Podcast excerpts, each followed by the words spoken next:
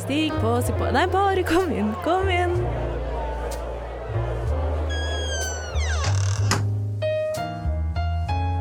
Her i lobbyen er det plass til alle sammen. Velkommen til lobbyen på Radio Nova. Hjertelig velkommen til lobbyen på Radio Nova. I dag er det jeg, Robin, som sitter i studio med dere, som dere hører litt tett i nesa, men uh, fremdeles uh, i levende live, liker jeg å tro. I dag uh, er jeg ikke alene i studio. Jeg har med meg min trusty sidekick eh, Sara. Hallo, hallo, hallo. Hallo, hallo, hallo. Men i dag har vi også med oss en gjest. Hei sann. Hei sann! I dag har vi med oss forfatter og Har du en til sånn merkelapp du har lyst til å bruke? Forfatter og ikon? Eller Oi, jeez. forfatter og uh, granatepleentusiast? Jeg. Forfatter og verdensmester i strikking? Forfatter og nylig blitt dansk. Ja, den er fin! Ja. Forfatter og nyfødt danske Molly Øksnevad. Eh, du har jo også tidenes kuleste etternavn, kan jeg bare si det? Oh, takk. Med Ø og X Ja. i samme etternavn. Det er mindre vanlig å ha X enn KS. Ja. Det, har du valgt det selv? Nei, jeg har ikke valgt det selv. Det har jeg ikke. Nei. Vi eh, skal i dag snakke litt om det å være forfatter, men også det å være trans og forfatter. Da må vi også snakke litt om eh, den siste boka du har skrevet, Molly, som heter 'Feminin gange', utgitt på Oktober forlag i fjor. Nei, i år. I år! Februar I februar! Ja, Herlighet, 2022. 2022. Rykende fersk er den. Um, så den skal vi snakke om, og så eh, må vi snakke litt om, om livet som forfatter og trans. Men først lurer jeg på, slik jeg alltid gjør, hvem er dere? Sara, hvem er du? Hvem er jeg? Jeg heter Sara. Jeg er uh, Håper å si Jeg er eh, Robins trusty sidekick. Dere har sikkert hørt oss sammen før. Nei. Jeg er eh, 21 år gammel. Jeg bruker de-dem-pronomen. Og jeg liker eh, de jeg liker. Hvis du kan steke vafler og pusse meg på armen, så er jeg din for alltid. Det er gode kriterier, faktisk. Mm, det er de eneste kriteriene som, som egentlig betyr noen ting. Ja, veldig bra. Eh, og jeg studerer eh, sosialantropologi på UiO, og bortsett fra det så sover jeg mye. Ja. Mm. Det er uh, It is the season. It is the season. Mm. Begynner å nærme oss eksamen. Ja, sant det. Yeah. Jeg har slutta med sånt. jeg. Det er veldig deilig. Molly, hvem er du? Jeg er Molly Øksnevad med Øksnevad? eh, og Ø. Eh, Jeg er en transdame som bruker hun-henne-pronomen. eh, Og jeg har skrevet to bøker. Og jeg bor i Danmark. Og jeg er lesbisk. Det er ikke så dansk aksent på deg, egentlig. Nei, jeg kommer fra Stavanger, da. Så Hei, jeg heter Robin. Jeg er 20 Jeg er blitt så gammel nå at nå teller jeg hver gang. Men jeg er 29. Uh, Ikke-binær, bruker hen-pronomen. Pan, singel, litt forkjøla. Utover det, samme gamla Samme gamla? Sa, samme gamla. Samme gamle. Samme gamla som før. jeg sa ikke alderen min. Nei! Jeg er 26. Du er 26. Ja, det er God blanding. Det er en god alder. Mm. The range. Så da har vi 22, 26 og 29. 21. 21, 26 og 29. Ja. Jøsse da. Nei, men det Jeg ser kanskje ut som en bestefar, men jeg er ikke så gammel, altså. Jeg er ikke det. 22 er jo virkelig den grå hår, liksom. Nei da. Men vi skal ikke fortsette å snakke om alder. Eh, Vi skal snakke litt om eh, skeiv litteratur og translitteratur. Radio Nova. Og jeg tenkte at vi starter for de lytterne våre som ikke nødvendigvis vet all the ins and outs and ups and downs av altså bare det å ikke være cis. Og da kan jeg aller først starte med å forklare at cis, CIS, det betyr at du har en kjønnsidentitet som samsvarer med kjønnet du ble tildelt ved fødselen. Så hvis du eh, ble født eh, fra din mor, antakeligvis eh, Nå tar jeg noen forut, forut Allerede problematisk. jeg antar at du ble født av din mor. Eh, kanskje ikke, men uansett. Når du ble født, og eh, jordmor løftet deg opp etter dine ben og klaspet deg på rumpa og sa 'dette er en' Så kanskje, hvis du kjente deg igjen med dette tomrommet.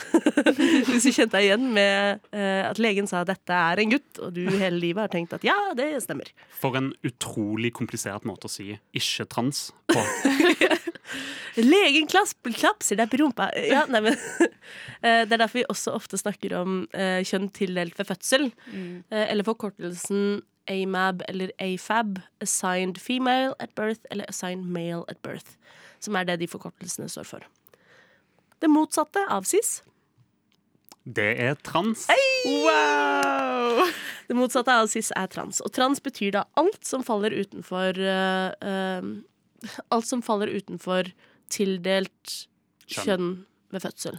Eh, så eh, det betyr både hvis man er født eh, eller tildelt gutt ved fødsel og føler seg som kvinne, eller hvis man er ikke-binær av en eller annen sort. Eh, og så kan man jo snakke om hvorvidt ikke-binære bruker translappen eller ikke, men det er en sånn smakssak som det meste annet her i livet. Så bare sånn helt sånn for å ha det på det rene Sis, ikke et skjellsord. Ikke liksom det samme som å være ignorant eller dust eller kjedelig eller Ja, altså sånn. Det betyr bare at du ikke er trans. Så, så vet dere det. Veldig fint. Veldig fint. Jeg syns det var eh, Vi kom oss dit til slutt. Takk. Det ble litt rotete, men, uh, men det er ikke så vanskelig. Det er bare ikke trans. Mm. Det er bare ikke trans. Uh, men vi er jo tre stykker her i dette studio som ikke er cis. Mm. Uh, Det er jo litt ekstra artig. Det er jo vanligvis ikke så overvekt av oss. Men eh, ofte finner du en, så finner du ofte flere. Er det kanskje Ja, de uh, har en tendens til å kravle ut av the woodwork når de flytter på ei planke. vi, vi går i flokk og Ja. kommer i liksom sånn, en liten sånn steam. Er Eh, like, like barn leker best. Like barn Selv leker når man best. ikke vet at man er så like som man egentlig er. Men vi har jo her i studio veldig ulike erfaringer med en transopplevelse. Eh, Og Molly, du er jo det vi kaller binærtrans. Ja. Jeg var ikke det veldig lenge, da. Oh. Det er en sånn ny utvikling. Ny utvikling. Ja. Så jeg, jeg, jeg kom ut sånn litt forsiktig som ikke-binær for lenge siden. Ah. Og så la jeg til kvinne der. Og så var det bare kvinne. Mm. Og så var det ikke-binær igjen. Ja! Og så nå, sånn, for sånn tre uker siden, var jeg sånn Nei, det, nei jeg er altfor binær for å bruke hen og de dem. Åh, nei, men det, det er jo en veldig interessant uh, liksom, eh, reise. Ja. Uh, hvordan var det du fant ut at du altså sånn, Aller først vil jeg jo liksom spørre sånn, hvordan fant du ut at du var trans, men da er det jo nest, nesten enda morsommere å spørre hvordan fant du ut at du ikke var ikke-binær? Ja, ikke sant? Eh, jeg fant ut at eh, det ikke eh, passa så fint at folk brukte hen-pronomen om meg, fordi at eh, noen gjorde det, for de var litt usikre på eh, hvilke pronomen jeg hadde, og bare ville ikke anta. Så de bare brukte hen om meg, og jeg tenkte det var helt fint, men jeg kjente ingenting ellers. Oh. Og når folk eh, har brukt hun og henne om meg, så har jeg vært sånn Å ja, det er litt fint. Ja. Mm. Det er en fin måte å forklare litt sånn kjønnseufori på. Er liksom sånn, ja, det var litt fint. Det var nice. Ja. Det er litt den sommerfuglen i magen som er litt sånn Å, tusen takk. For å få et kompliment, på en måte. Sånn, Oi! Ja, Ja. wow. Det, jeg blir jo spurt, um, for jeg er på videregående og snakker med eh, en haug med elever. Og så blir eh, jeg ofte spurt av disse unge 16-åringene hvordan vet du at du er trans. Ja, ikke sant? Og så eh, gjør vi en sånn ting som jeg lærte av Luca eh, Espeseth. Um, der jeg var sånn Lukk øynene, og så sier du inni deg sjøl 'jeg er dame'. Og så sier du 'jeg er mann'. Og så sier du 'om en av de er løgn'. Ja, sånn kan du vite at du er trans. Oi, men Oi, den var fin! Er ikke den kul? Den er ikke min. Creds til Luca. Creds men, eh, Luca. det har vært en del uh, elever som har vært veldig sånn Oi, what? Ja, er det så lett? Ja, nei, det, for det trenger jo ikke være mer komplisert enn det. Og så er det også Det jeg syns er viktig å huske, er at det er så mange som føler kanskje at man gjør seg til for noen andre, eller man er påvirket av noen andre. Og jeg tror det er veldig vanlig å kanskje føle på et sånn type imposter syndrome hvis man enten er nevrodivers, altså har en, er på spekteret, eller har en ADHD-diagnose eller tilsvarende, eller hvis man er på kjønnsspekteret et sted. Ja. Mm. Og da, det jeg har pleid å tenke på, er sånn Hvis jeg gjør det hjemme for meg selv alene, så gjør jeg det ikke for å imponere noen eller for å late som for noen. Da er det bare meg og mitt. Men til og med da, Men til og med, til og med da så kan det være eh, litt sånn Gjør jeg meg til for meg sjøl? Ja, ikke sant? Ja. Veldig mye av det. Så blir jeg sånn Åh, nei, men nå gjør jeg det sånn bare fordi jeg har lyst til å være sånn. Så, ja, men det betyr jo at jeg har lyst til å være sånn. Ja. Nei, men den tankeeksperimentet, det syns jeg gir veldig mye mening. For uh, nå, nå tar jeg opp de dagbøkene mine i nesten hver eneste episode har. Jeg har jo hele livet mitt i en eh, boks under senga, liksom. Men i mange av dagbøkene mine opp til det pointet hvor jeg skjønte at jeg var ikke-binær, så står det veldig ofte jeg som eh, bla, bla, bla, bla, bla. Jeg hater å være kvinne, liksom. Oi, oi, oi. Um, så da skrev jeg alltid 'jeg er ikke kvinne', men så inni meg så føltes ikke det helt riktig å skrive, så jeg måtte adde til 'jeg er ikke mann' heller Ja. In etterpå. Um, så hele den derre 'jeg er kvinne, jeg er mann' inni seg, hvis man sier det, og noen av dem er løgn, og i mitt tilfelle det var jo begge løgn, da. Ja, så da Ja, Men en av de elevene som gjorde dette tankeeksperimentet med, var sånn jeg kjente ingenting, jeg. Og jeg var sånn Oi. Maybe I have some news for you. Så det er veldig fint. Å, nei, men det er kjempegodt tips, da. Mm. Eh, hvordan eh, var det du fant ut av det back in the day? Oi, jeez. Satt du Eh, også og tenkte 'jeg er mann', Ja, 'jeg er kvinne'? ja, jeg eh, var faktisk såpass filosofisk av meg fra en alder av tre år. Jeg, Eh, jeg, jeg transer, derfor er jeg. Nei, uff. Oh my god. Um, nei, jeg har jo sånne minner uh, der det er sånn uh, Jeg ser en venn som får ha på seg kjole, og så blir jeg sint fordi at jeg også ikke kan gå med kjole. Ja. Så det er jo sånn, jeg har sånn alltid visst at det har vært et eller annet sånn kjønnsmessig der. Uh, men så bodde jeg veldig lenge et sted som er ikke så um, åpent da, og aksepterende om uh, LHBT generelt. Eh, og der bodde jeg sånn cirka mens jeg gikk gjennom puberteten. Eh, så det var en ganske stor mangel for uh, ja, eksponering da, for meg når det kommer til skeive tema. Så jeg bare visste ikke at det gikk an å være skeiv, og jeg visste i hvert fall ikke at transpersoner fantes. Um, så når jeg kom tilbake til Norge og begynte i tiende klasse Oh, ja. eh, Verste alderen å være i, eh, kan jeg bare si Det, det. Virkelig. det, er da man, det er da man blir menneske, føler jeg, i de ungdomsskoleåra hvor det bare alt suger. Men jeg måtte dessverre bli menneske på en sånn dum ungdomsskole på Hundvåg eh, ut, ut Stavanger. Så, eller det er vel i Stavanger. Um, nei, så jeg flytta tilbake til eh, Hundvåg, da. Eh, og så møtte jeg en person som bare var sånn Jeg er bifil. Jeg bare Hva betyr det? Halleluja! Og derifra Han viste meg Rocky Horror Picture Show. Ja, ikke sant. og, Og da var det gjort. Ja, Frank. Jeg bare Oh my god, jeg er Frank. Nydelig. Eh, det er litt av det, da. Jeg kjenner meg veldig godt igjen i det, faktisk. For jeg, øhm, jeg er jo oppvokst i Oslo, så det har jo vært litt mer liberalt hele veien. Og jeg hadde liksom Pappa hadde et par fettere som Eller en fetter som var gift med en annen mann. Så jeg er liksom oppvokst med uh, Walter og Terje. Ja. Uh, jeg bare liksom sånn Det var helt vanlig. Men uh, det var først på ungdomsskolen da det kom en innflytter fra Valdres som var lesbisk. Oi! Lesbisk! Og hun var åpent lesbisk og sa det i klasserommet og sånn. Og vi ble bestevenner. Så bra. Ja, ja, ja. Eh, og fra da var det frøet sådd også. Eh, så jeg kjenner meg igjen med disse formative ungdomsårene og den ene vennen som hjelper deg å på en måte skjønne at ah, skeivt, det, det, er ikke- det er ikke dumt. Nei. Ja. Spiller en jingle, jeg.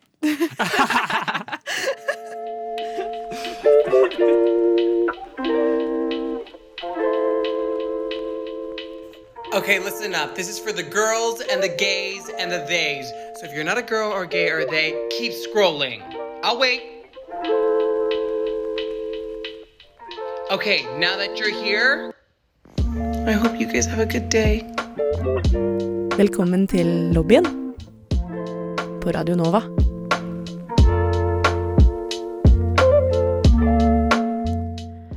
Velkommen til lobbyen på Radio Nova. Vi sitter her med forfatter og nyfødt danske Molly Øksenvad. Jeg var ikke forberedt på den beklager. Um, og har snakket litt om dette med å finne seg sjæl og finne ut at man eh, er litt skeiv både på seksualitet og på kjønn. Og du, Molly. Du eh, ga, som vi snakket om tidligere, eh, ut en bok i år. Ja. Ikke i fjor engang, men i år. I februar i år. Den heter 'Feminin gange' og er gitt ut på Oktober forlag. Kan ikke du fortelle oss litt om hva den handler om? Jo da, det kan jeg. Eh, Den boka handler om eh, en cis-mann som heter Thor, og en transmann som heter Liam. Som skal kjøre eh, fra Stavanger til Oslo i en litt falleferdig falleferdig rusta Opel Vivaro 2006-modell. Eh, Veldig spesifikk modell. den finnes, Ja. den bilen. Jeg har kjørt til Amsterdam i den bilen. Og så, når vi kjørte hjem igjen utenfor Hamburg i ca. 110 km i timen på autobahn, eh, så tråkka jeg inn kløtsjen, og så kom kløtsjen aldri ut igjen. Nei! Nei, Eh, gud. så derfor, altså, det skjer jo også i boka, da, ja. Sara, som ikke har lest boka. Eh, så det er der den kommer fra. da Det er det eneste biografiske i boka. Ja. Um, nei, det handler om de to, da, uh, som er eks-kjærester. Som skal kjøre til Oslo, fordi Liam, som er uh, transmannen, han skal ha sin andre eh, time på NBTS på Rikshospitalet. Hva står NBTS for? Nasjonal behandlingstjeneste for transseksualisme. Yes. Ja, og så, um, ja.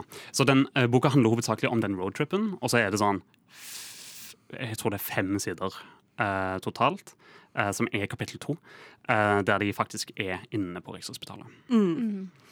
Eh, og så er det mye flashback, så man lærer jo Thor og Liam å kjenne ganske nært. Eh, jeg har lest den boka. jeg Jeg sånn har lest x antall anmeldelser på den denne denne ja. uka, for jeg fikk ikke tak i noe som bør være et kompliment. For det skal jo også sies til Saras forsvar.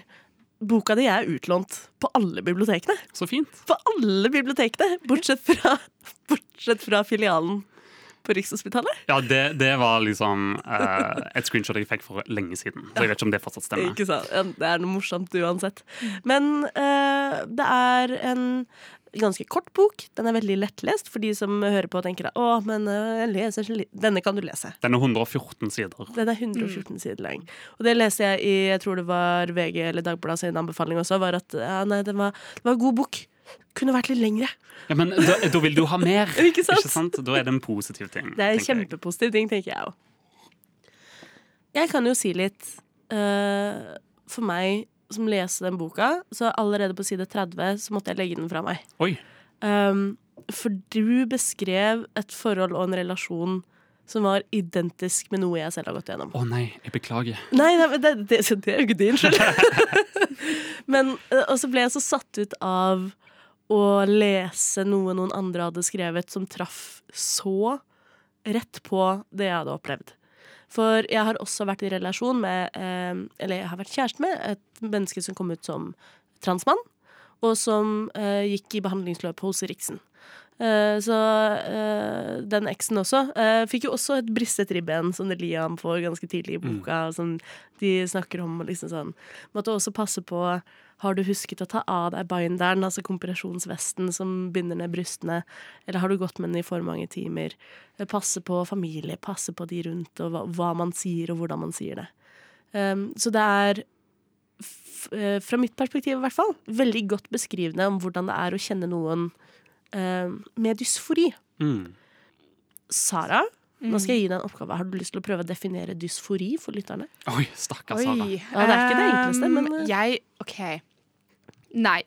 Eh, man kan jo kjenne både på kjønnsdysfori og spesifikt sånn kroppsdysfori, uh, syns jeg. Det er et ubehag eh, ved enten da, hvis du kjenner f.eks. på kroppsdysfori, så er det på hvordan eh, kroppen din ser ut, enten hvis eh, Si at man enten har bryster eller ikke har bryster. Eh, hvordan stemmen din høres ut, hvordan man også, ja, hvordan man går. Det, den heter jo Feminin gange. gange. Ja. Hvordan man går, hvordan man står. Man kan få dysfori for så mye. Ja, det er utrolig mye liksom Jeg har dysfori for øyenbrynene mine en gang. Åh, kjempegøy. Ja. Det er eh, et ubehag med hvordan eh, da på en måte det ytre ikke matcher det indre. Eh, på den måten man tenker på seg selv inni sitt eget hode, så skinner det liksom ikke gjennom på den måten man vil. Og da føler man eh, det veldig vondt. Det er en slags sånn smerte som er veldig vanskelig å forklare, og veldig personlig for alle som opplever det, tror jeg. Det syns jeg var en veldig fin forklaring. Eh, kort oppsummert, ja, et ubehag. Eh, og kjønnsdysfori er et ubehag knyttet til kjønn. Eh, hvorfor skrev du denne boka, Molly? Oi, det er det mange grunner til. Um, jeg eh, prøvde fra ca. 2013 å få behandling sjøl. Ja. og så fikk jeg jo ikke det da før uh, 2021.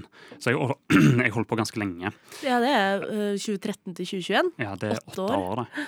Eh, det var ja, eh, Veldig mange folk ville ikke henvise meg videre da, Ja. eh, til Rikshospitalet. Så jeg har aldri vært der. Så uh, hvis vi starter helt fra starten Ja. um, Henvises til Rikshospitalet. Oi, ja, OK. Ja. Nei, men så um, Hvordan er løpet hvis man finner ut at man er trans? Ja, uh, det er det, da. Det løpet kan se veldig annerledes ut for veldig mange folk. Mm. Og så er det veldig vanskelig å for eksempel, da gå til en fastlege og si 'hva er det løpet?' Fordi Ja, at fastleger har ikke peil ofte. Men sånn vidt, så vidt jeg har forstått det, da, så må du til en psykolog, ofte gjennom BUP. Eller Eh, DPS for eller- voksne. ja, ikke sant? Herregud. men, Men, men ja, det stemmer, det. Um, og de må da uh, sende en henvisning videre, fordi at de, Riksen vil at de skal bevise at du har uh, kjønnsinkongruens. Uh, som de nå ikke kan gjøre lenger, fordi at det ikke er en mental lidelse. Så det er en sånn Ja, Så det tilfaller ikke DPS lenger? ja, Dette er det jeg har hørt om med folk som jeg har uh, snakka med. Riksen sier du må bli, henvist fra DPS, og så sier DPS det å være trans er ikke en mental lidelse. Så går de i en sånn sirkel. Så, uh, så, så det er jo en stor fordel, eller en et sånt Man har kommet et steg videre når trans ikke lenger er Eller trans, tra, transinkongruens? Kjønnsinkongruens. Eh, Ikke lenger er en mental lidelse, men uh, Det var i 2019. det var i 2019. Mm. Det stemmer. Da skrev jeg masteren min om eh, kjønnsinkongruens. Så det, Ja. eller om litteratur, da. Men så, så de som jeg har snakket med, da, de har blitt henvist til Riksen fra eh, private psykologer. Ja. Eh, jeg har eh, dessverre ikke snakket med noen som har gått eh, via DPS, så vidt jeg er klar over. Jeg har snakket med veldig mange som har ikke blitt henvist videre fra DPS, selv om de vil det. Um, så akkurat der er min viten litt sånn vag. Uh, men ja, du må i hvert fall bli henvist til Rikshospitalet uh, fra en person som kan gjøre det. Og det, det ble du, men du fikk avslag. Nei, det ble jeg ikke. Jeg ble ikke henvist i det hele tatt. Ja. Alle som jeg oppsøkte, sa nei, du er ikke trans nok for Riksen. Ugh. Ikke sant. Eh, ja. Så jeg har ikke så mye som blitt henvist. Jeg har prøvd mange ganger. Eh, jeg, har, jeg tror jeg har vært veldig uheldig, da. For det finnes jo selvfølgelig folk som henviser videre til Riksen. Um, ja, Og likevel så har du skrevet en bok om, om Riksen. om Riksen. Jeg har veldig mange venner som har gått gjennom Riksen, eller prøvd å gå gjennom Riksen. Um, og de har uh, alltid eh, hatt veldig mange negative ting å si om Riksen. Uh, og så er jeg jo av og til på Twitter, og der òg er det mange som klager på Riksen. Så jeg har eh, skrevet boka fordi at eh, jeg har en Blant annet da, eh, så, har- så har jeg en venn som, som hadde det skikkelig ille da, eh, på Riksen, så jeg ble litt sånn rasende. Så jeg måtte, jeg måtte jo skrive et eller annet, at det, det er det jeg gjør nå. eh, det å skrive. Um, og så eh, er det jo også et sånn langtidsraseri for at jeg ikke har kommet meg dertil. Um, og da måtte jeg egentlig bare um, skrive, i hvert fall om Riksen, da. Men det er jo selvfølgelig eh, en annen bit av den boka som ikke er Riksen, og det er reisen dertil. Eh, og der var det jo veldig viktig for meg å skrive en bok med en transkarakter eh, som ikke er eh, dårlig skrevet, fordi det er veldig mye litteratur som bare bruker transpersoner eh, som sånn eh, en, en interessant kompetisjon eller ting, eller eh, en måte å drive en historie framover på. Eller bare rett og slett eh, skrive bøker om transpersoner, og så har de ikke peil. Ja. Eh, så jeg var liksom litt eh, på en måte lei av det, da. Så Uh, jeg skrev boka fordi at jeg ville ha god transrepresentasjon ut i norsk uh, skjønnlitteratur. Um, som er grunnen til at jeg intervjua masse transmenn. Ja. Ja. Mm. Jeg syns jo også det er kjempeinteressant, for jeg syns, syns som du sier, at at Liam er skrevet som en god, god transmaskulin karakter som jeg liksom kjenner igjen i mennesker jeg har møtt og vært med selv òg. Men Thor også leker jo med kjønn og uttrykk. Mm. Hvorfor, eh, hvorfor er ikke Thor en sånn vanlig cis-streiting, litt sånn kjedelig type? Uh, ja, da, altså, det, er jo, det er jo en eh, faktisk grunn i boka til dette. Det er når uh, Liam kommer ut som trans. I boka så tar han med seg Thor inn på rommet sitt, og så skal han kaste alle sine gamle jenteklær i armen. Eh, og så holder han opp en kjole mot Thor og sier 'denne tror jeg du passer', og så prøver Thor den kjolen. Og så liker Thor det ganske godt, og så fortsetter Thor å liksom utforske med det. Men han er jo, jeg har jo skrevet han på den måten at han liker å gå i kjoler og skjørt og lakkere neglene, fordi han er en cis-mann. Ja. Eh, og hvis han hadde vært en transmann, så hadde han ikke fått behandling på Riksen. Hvis han Ja. hadde kledd seg på den måten. Ja, ikke sant. Ja, det har jeg ikke tenkt over men det er strategisk. Ja. nei, men det er veldig, veldig interessant. Um, hvordan har responsen vært etter en bok som dette? Den har vært veldig god, faktisk. Selv om det er liksom en, nesten en direkte kritikk av uh, vårt eneste helsetilbud for transpersoner i, i landet. Ja. Jeg mener, Riksen har jo blitt uh, uh, Jeg har blitt intervjua av veldig mange som har gitt min kritikk videre til Riksen. Ja, Og Riksen har ikke kommentert, da. Så vidt jeg vet, så har de ikke kommentert på de sakene. Men responsen har vært nesten utelukkende god, altså. Um, og når det kommer til sånn hets og sånn fordi jeg er trans, eller fordi jeg er synlig trans i media, så har jeg ikke fått noen ting. Nei, ingenting. Jeg tror det finnes ett sånn supergiftig kommentarfelt under Dagbladet-post på Facebook, liksom, og that's it. Eh, så det har vært en veldig god respons. Og så har jeg fått mye god respons fra transpersoner som har sendt meg meldinger. Eh, så det har også vært veldig fint. Det er jo veldig veldig hyggelig å høre. Og nå er du jo Du bor jo vanligvis i Danmark, men ja. nå har du vært i eh, Norge i snart tre uker.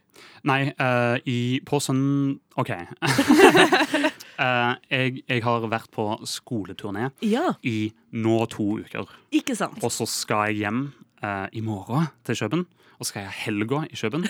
Og så kommer jeg tilbake på mandag og har min tredje uke. Skjønner.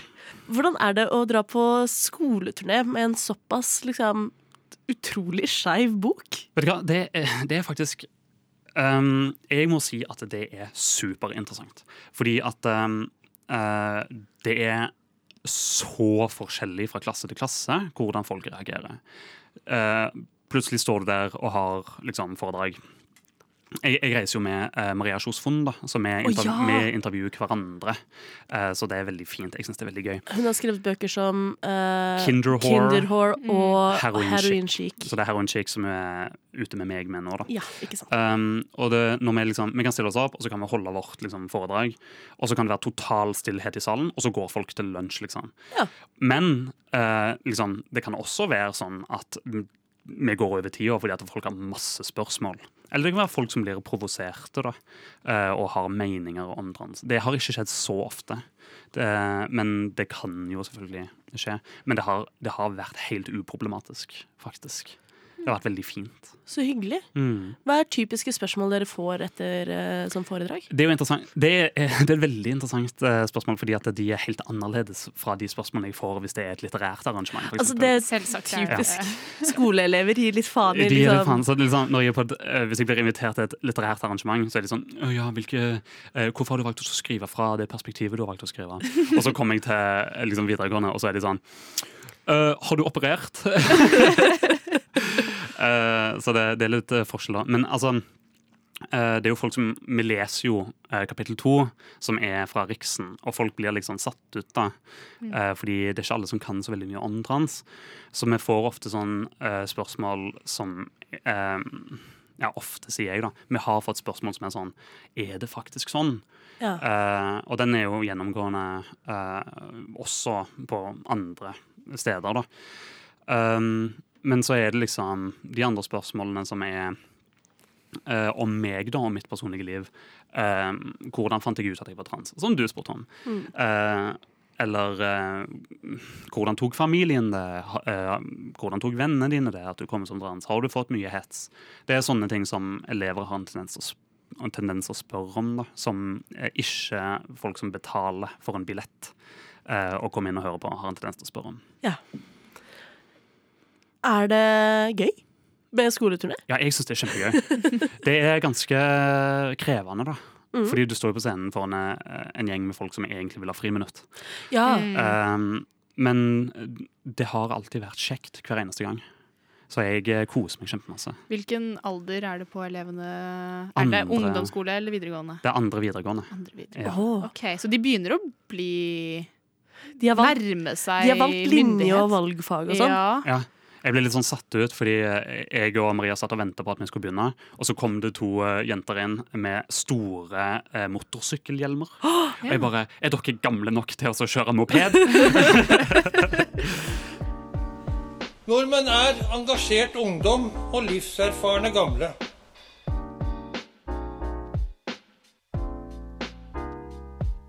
Nordmenn er jenter som er glad i jenter, gutter som er glad i gutter. Og jenter og gutter som er glad i hverandre.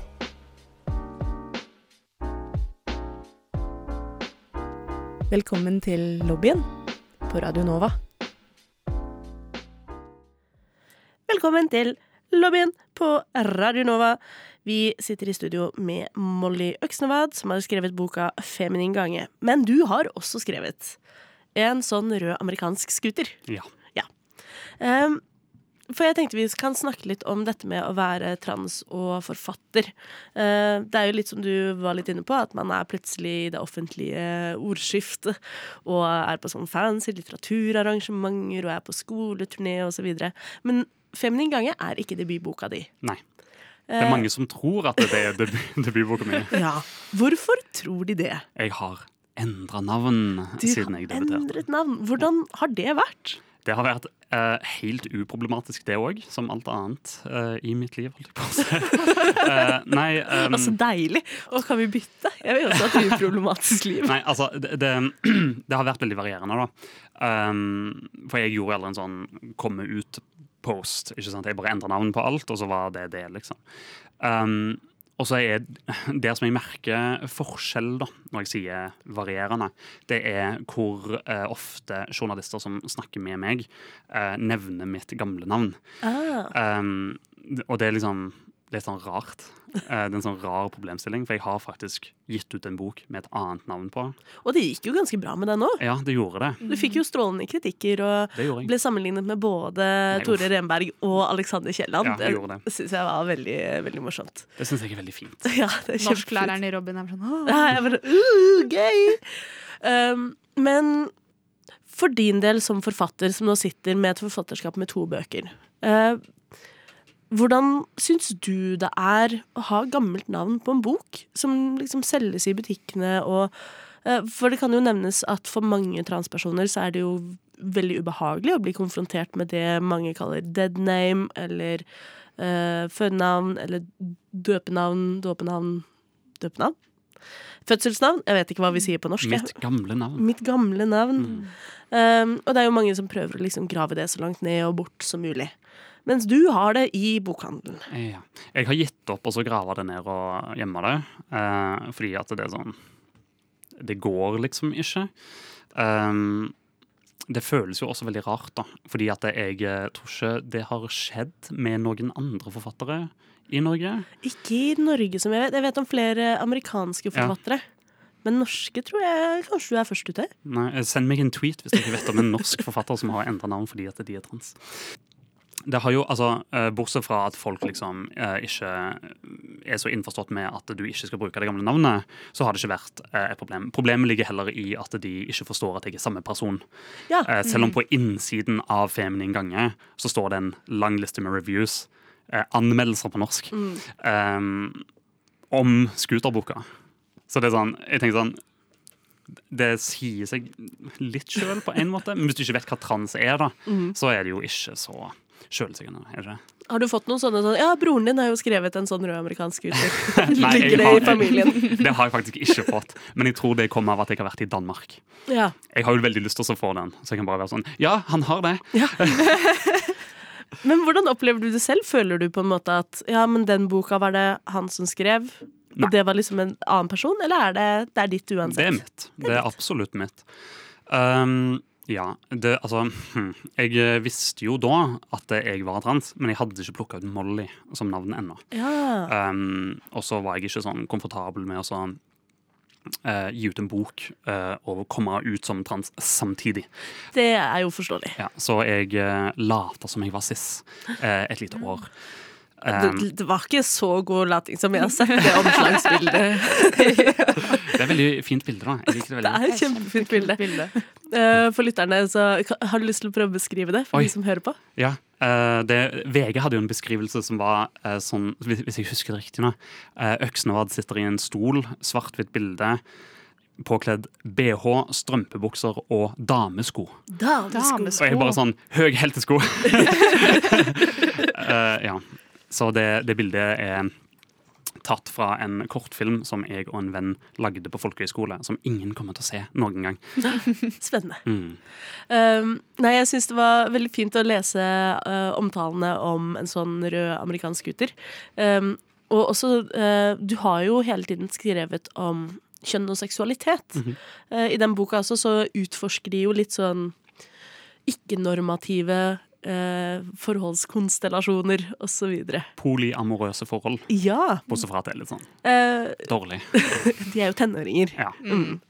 Eh, hva syns du selv om den boka? Liker du den? Jeg liker den veldig godt. Mhm. um, jeg tror um, Jeg følte at jeg jobbet veldig godt med den boka. Det, det jeg liker å si om den boka, da, er, er at det er også en transkarakter i, i den boka. Og det er kun transpersoner som har en tendens til å catche det. Uh, så jeg syns det er veldig spennende, da. Men eh, livet som forfatter og trans, har det noen utfordringer? Uh, ja.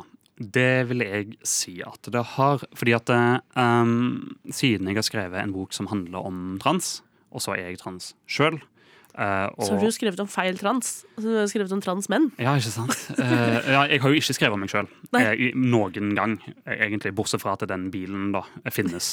Eh, men ehm, det som er så eh, interessant, da, er at de aller fleste i verden som eh, leser bøker og kommer på litteraturarrangement, f.eks., er, jo ikke trans. Um, så det går veldig sånn hånd i hånd uh, med liksom personlige spørsmål om trans. Uh, og min opplevelse og mitt liv. Uh, de, altså de spørsmålene kommer veldig ofte hånd i hånd da med spørsmålet om boka. Så jeg kan jo aldri um, separere det, da. eh, som jeg synes er ganske vanskelig.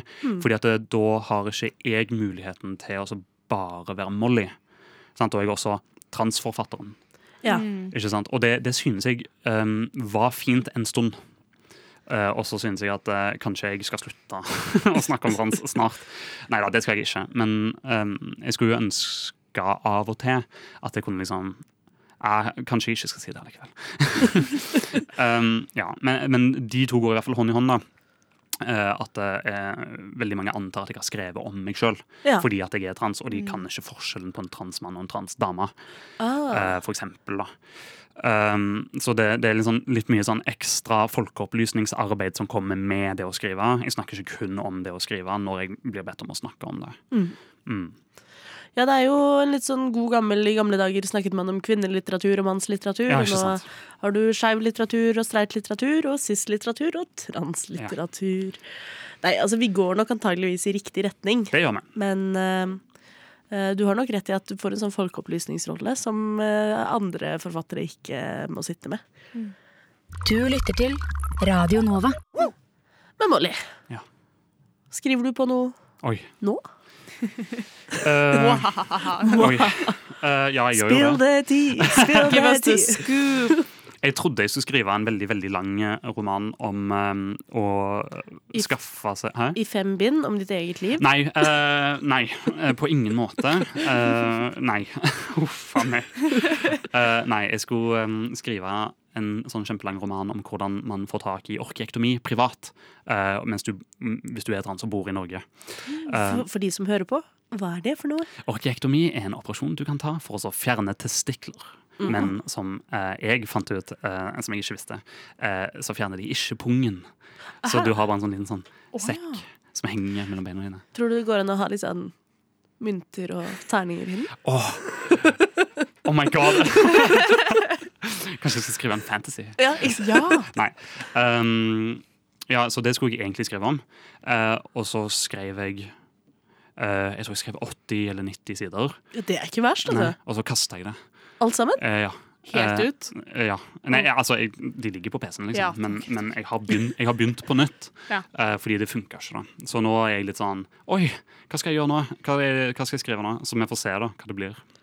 Så du har hatt et langt prosjekt som du hadde skrota litt. Ja. Men du, har du begynt på noe nytt, da? Jeg har begynt på noe nytt. Eh, om igjen og om igjen og om igjen og om igjen. Eh, men eh, nå har jeg jo gitt ut to bøker på to år. Ja, Du har ikke noe sånn bråhast, egentlig? Nei. Så jeg kan egentlig ta det ganske med ro. Men selvfølgelig så stresser jo jeg masse med at jeg ikke får til å skrive. Og nå har jeg jo bodd på et hotell i tolv netter, Ja. så jeg har jo ikke hatt kapasitet til å sitte der og så skrive. Eh, vi begynner å nærme oss episoden slutt, faktisk. Vi prater og prater, og så er det så koselig. Men eh, på et tidspunkt så må man sette strek. Men før det så skal lytterne våre selvfølgelig få litt skeive litteraturtips. Well, to be honest, I'm a hetero guy, but I really try to be a good ally. And it ain't no secret, let me tell you why. It's because I love my wife, and my wife is bi. Velkommen til lobbyen Yes, Radio wife energy. has bi Radio Nova.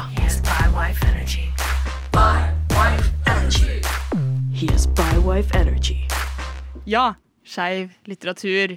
Vi er jo tre skeive boknerder som sitter her, er jeg ganske sikker på. Og eh, når man liker noe så godt, så kan man jo ikke unngå å ville snakke om det hele tiden. Så vi skal ha noen eh, bok... Eh, recommendations. Anbefalinger. Anbefalinger. Hallo! Takk. Ah, så nei, noen bokanbefalinger. Um, og jeg føler at vi må nesten starte med forfatteren Oi. som uh, bokanbefaler. No, no pressure, men No pressure. Uh, Må legge til at implisitt. Vi anbefaler Molly sine bøker. ja, ja, ja, ja, ja, ja. De heter Feminin gange og en sånn rød amerikansk scooter. Og de er å finne på ditt lokale bibliotek.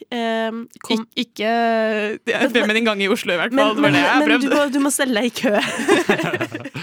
Eh, jeg har to bøker. Wow. Ja. Nei, ha alle to, da må jeg også finne en til. Ja, Finn en til, Robin, mens jeg anbefaler. Ja, ja, ja. Um, nei, så Den første jeg vil anbefale, er den eh, boka som eh, har vært eh, som, som jeg leste mens jeg skrev Feminin gange, da. Eh, som heter We Both Laughed in Pleasure. Som er dagbøkene til Lou Sullivan, eh, som var transaktivist på 80- og 90-tallet. eh, som dessverre døde av aids. Den har jeg så, så lyst til å lese. Den var sånn fysisk vanskelig for meg å lese, fordi Mm. jeg begynte å lese, og så begynte jeg å gråte. Så jeg kunne ikke se noe. Den er sånn, den var, men den er så morsom og fin, og um, han skrev jo um, dagbøker fra han var sånn syv år gammel, til sånn fire dager før han døde. Sara, Ja. du kan også gi ut bok. Du, moren min har bedt meg om å gjøre det allerede. Det er helt sjukt. Uh, så den, uh, les den. Den er lang, men den er verdt det. Og så leste jeg en annen bok ganske nylig som heter 'Slemme piker' av Camilla Sosa Villada. Som handler om å være um, De har et ord for det da eh, i Nå skal jeg si, er det Argentina. Ah. Eh, det handler om å være trans i Argentina, men de har et eget ord for det i Argentina som er travesti. Jeg vet ikke om de sier det med den R-en som jeg nettopp eh, la til, men eh, det er en veldig veldig fin bok da, om å gå litt gatelangs og kanskje være litt prostituert. Og, og også være ganske sånn eh, trans og feminin i eh, uttrykk. da. Spennende. Så da var det, det var slemme piker. Og We Both Laughed in Pleasure. Den ene har blitt oversatt til norsk, den andre har ikke. Aha. Nemlig. Hva med deg? Fant du en bok til, eller? Jeg sitter, jeg sitter og prøver å velge. Ja, men Eh, skal jeg eh, gå, nei, da? men jeg, jeg, jo da, jeg har. Du Jeg har Problemet er jo bare at jeg har så mange. For det jeg gjør, er at jeg tar den første transboka jeg leste, og den siste transboka jeg leste. Ja. Og den første jeg leste, var 'Beautiful Music for Ugly Children' av Kristen Cron Mills. Den handler om en ung transmann som, low and behold, jobber i radio. Oi! Å, ja da! Eh, så eh, Selvsagt gjorde det. Selvsagt gjorde den det. Så øh, øh, den husker jeg, den er Den bærer litt preg av dette typiske tragiske transnarrativet. Sånn at det er noen som får juling på et tidspunkt, og det er litt trist og vondt. Men den slutter fint, om jeg ikke husker helt feil. Nå er det lenge siden jeg leste den. Uh, og jeg syns det var kjempefint å lese om en transmann som uh, kommer ut og har en helt egen identitet som anonym radiovert. Da må jeg lese den, da. Den er kjempesøt. Den, og så har jeg tidligere anbefalt Radio Silence Alice Osman, som jeg kom på akkurat nå. Eh, Ikke-binær, også handler om radio. Veldig viktig.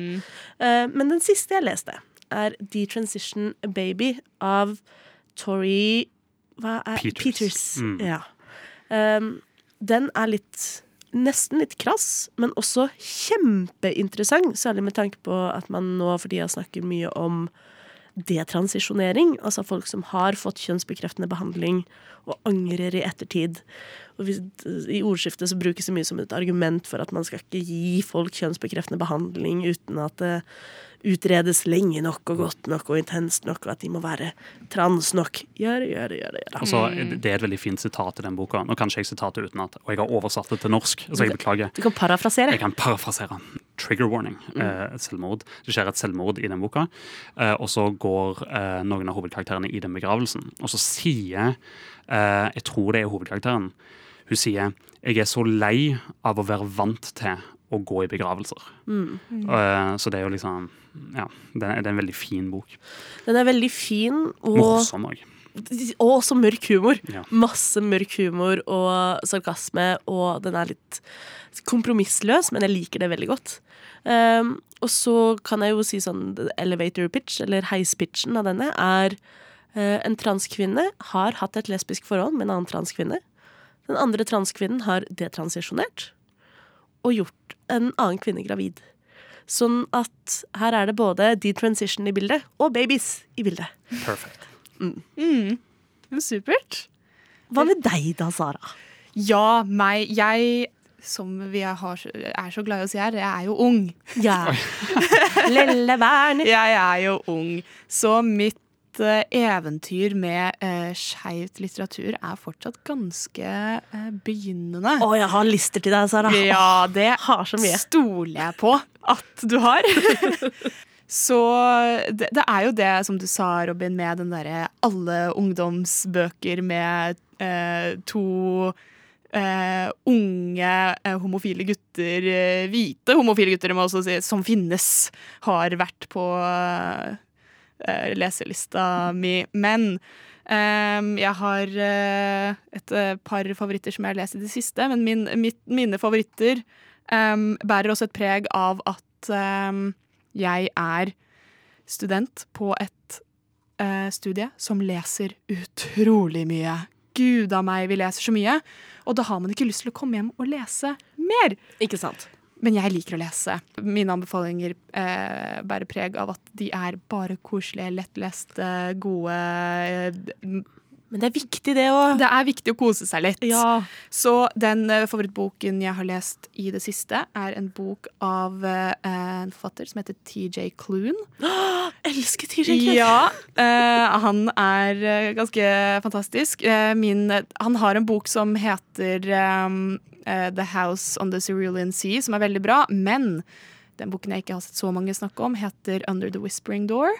Um, og den er så god og varm og koselig. Det, det er ikke en spoiler, for det starter med at hovedpersonen dør og blir et spøkelse. Og skal få hjelp til å krysse til den andre siden. Og det handler om found family og å um, se tilbake på livet sitt. Og, og, så er det dette med at um, paret som liksom, romansen i boka er gamle. Er jeg, bare, jeg, jeg blir så håpefull og Her prøver du å si at gamle folk også har følelser. Gamle folk har No way. følelser, og skeive folk kan bli voksne og gamle og fortsatt. oh, det er ikke ja. bare en sånn der ung fasegreie. Men det, det trenger vi alltid mer av. Er å se voksne skeive sine narrativer Ja. representert. Og, ga- og gamle De, de hovedpersonene i bøkene her er vel godt opp i 40-50-åra, liksom. Det, ja. Eh, Så det er den ene. Og den andre er den jeg leser akkurat nå, som heter uh, This Is How You Lose the Time War. Av oh. Amal El Motar og Max Gladstone. Oh, den Tittelen ringer en bjelle. Mm, det er en, uh, det er en Den er ganske kort, den også. Altså. Det er en uh, sci-fi romannovelle. Den er ganske kort, den òg. Elsker eh, Um, sci-fi-romannoveller. Mm. Den er en slags Det er ikke en Doctor Who-fanfic, liksom. Og Nei. Um, This Is How You Lose the Time War er en sånn uh, korrespondans mellom to tidsagenter som er på hver sin side av The Time War. Og de bruker Det som er litt gøy med denne, er at de bruker eh, begge to hun-pronomen om hverandre. Men bortsett fra det er ikke kjønn beskrevet på noen som helst måte.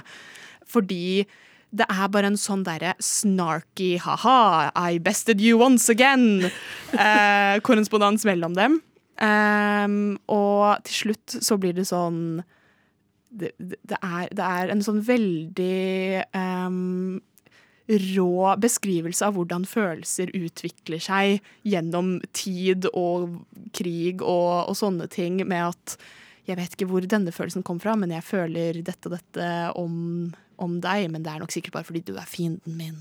Ah, Og, og er det ja, enemies to lovers? Det er type? enemies to Ah, lovers. Elsker. Um, så jeg har jo ikke lest den ferdig, så jeg vet jo ikke helt hvordan den slutter ennå. Men jeg liker språket i den veldig godt. Og det er igjen bare skeiv litteratur hvor um, det at de begge to bruker hun-pronomen og forelsker seg i hverandre, har ingenting å si, liksom. Altså, det, er, det er veldig fint fordi det er representasjon og sånn, men det er ikke det som er Det er ikke drivkraften i, i boka, og det er veldig, veldig gøy. Mm. Herlig. Da har du fått seks parentes syv bokanbefalinger, i tillegg til femini, feminin gange og en sånn rød, skut, en sånn rød amerikansk scooter av Molly Øksnevad. Molly, tusen, tusen takk for at du tok deg tida i eh, travel bokturné for å komme hit opp i fjerde etasje på Chateau Neuf og prate skit. Takk for at jeg fikk komme. Kjempe, kjempehyggelig. Eh, Du må bare si ifra hvis du har lyst til å komme tilbake. Eh, Så kan vi alltid snakke om flere ting. Jeg er her til fredag neste uke. Nei. Og takk, Sara, for eh, at du også eh, bisto som min trusty sidekick i dag. Jeg har kost meg kjempemasse. Dere er jo så koselige begge to. Takk. Eh, I studio har det vært meg, Robin, med Molly som gjest og Sara ved min side. Og takk for at du har hørt på, du som sitter i andre enden. Ha det bra. Ha det.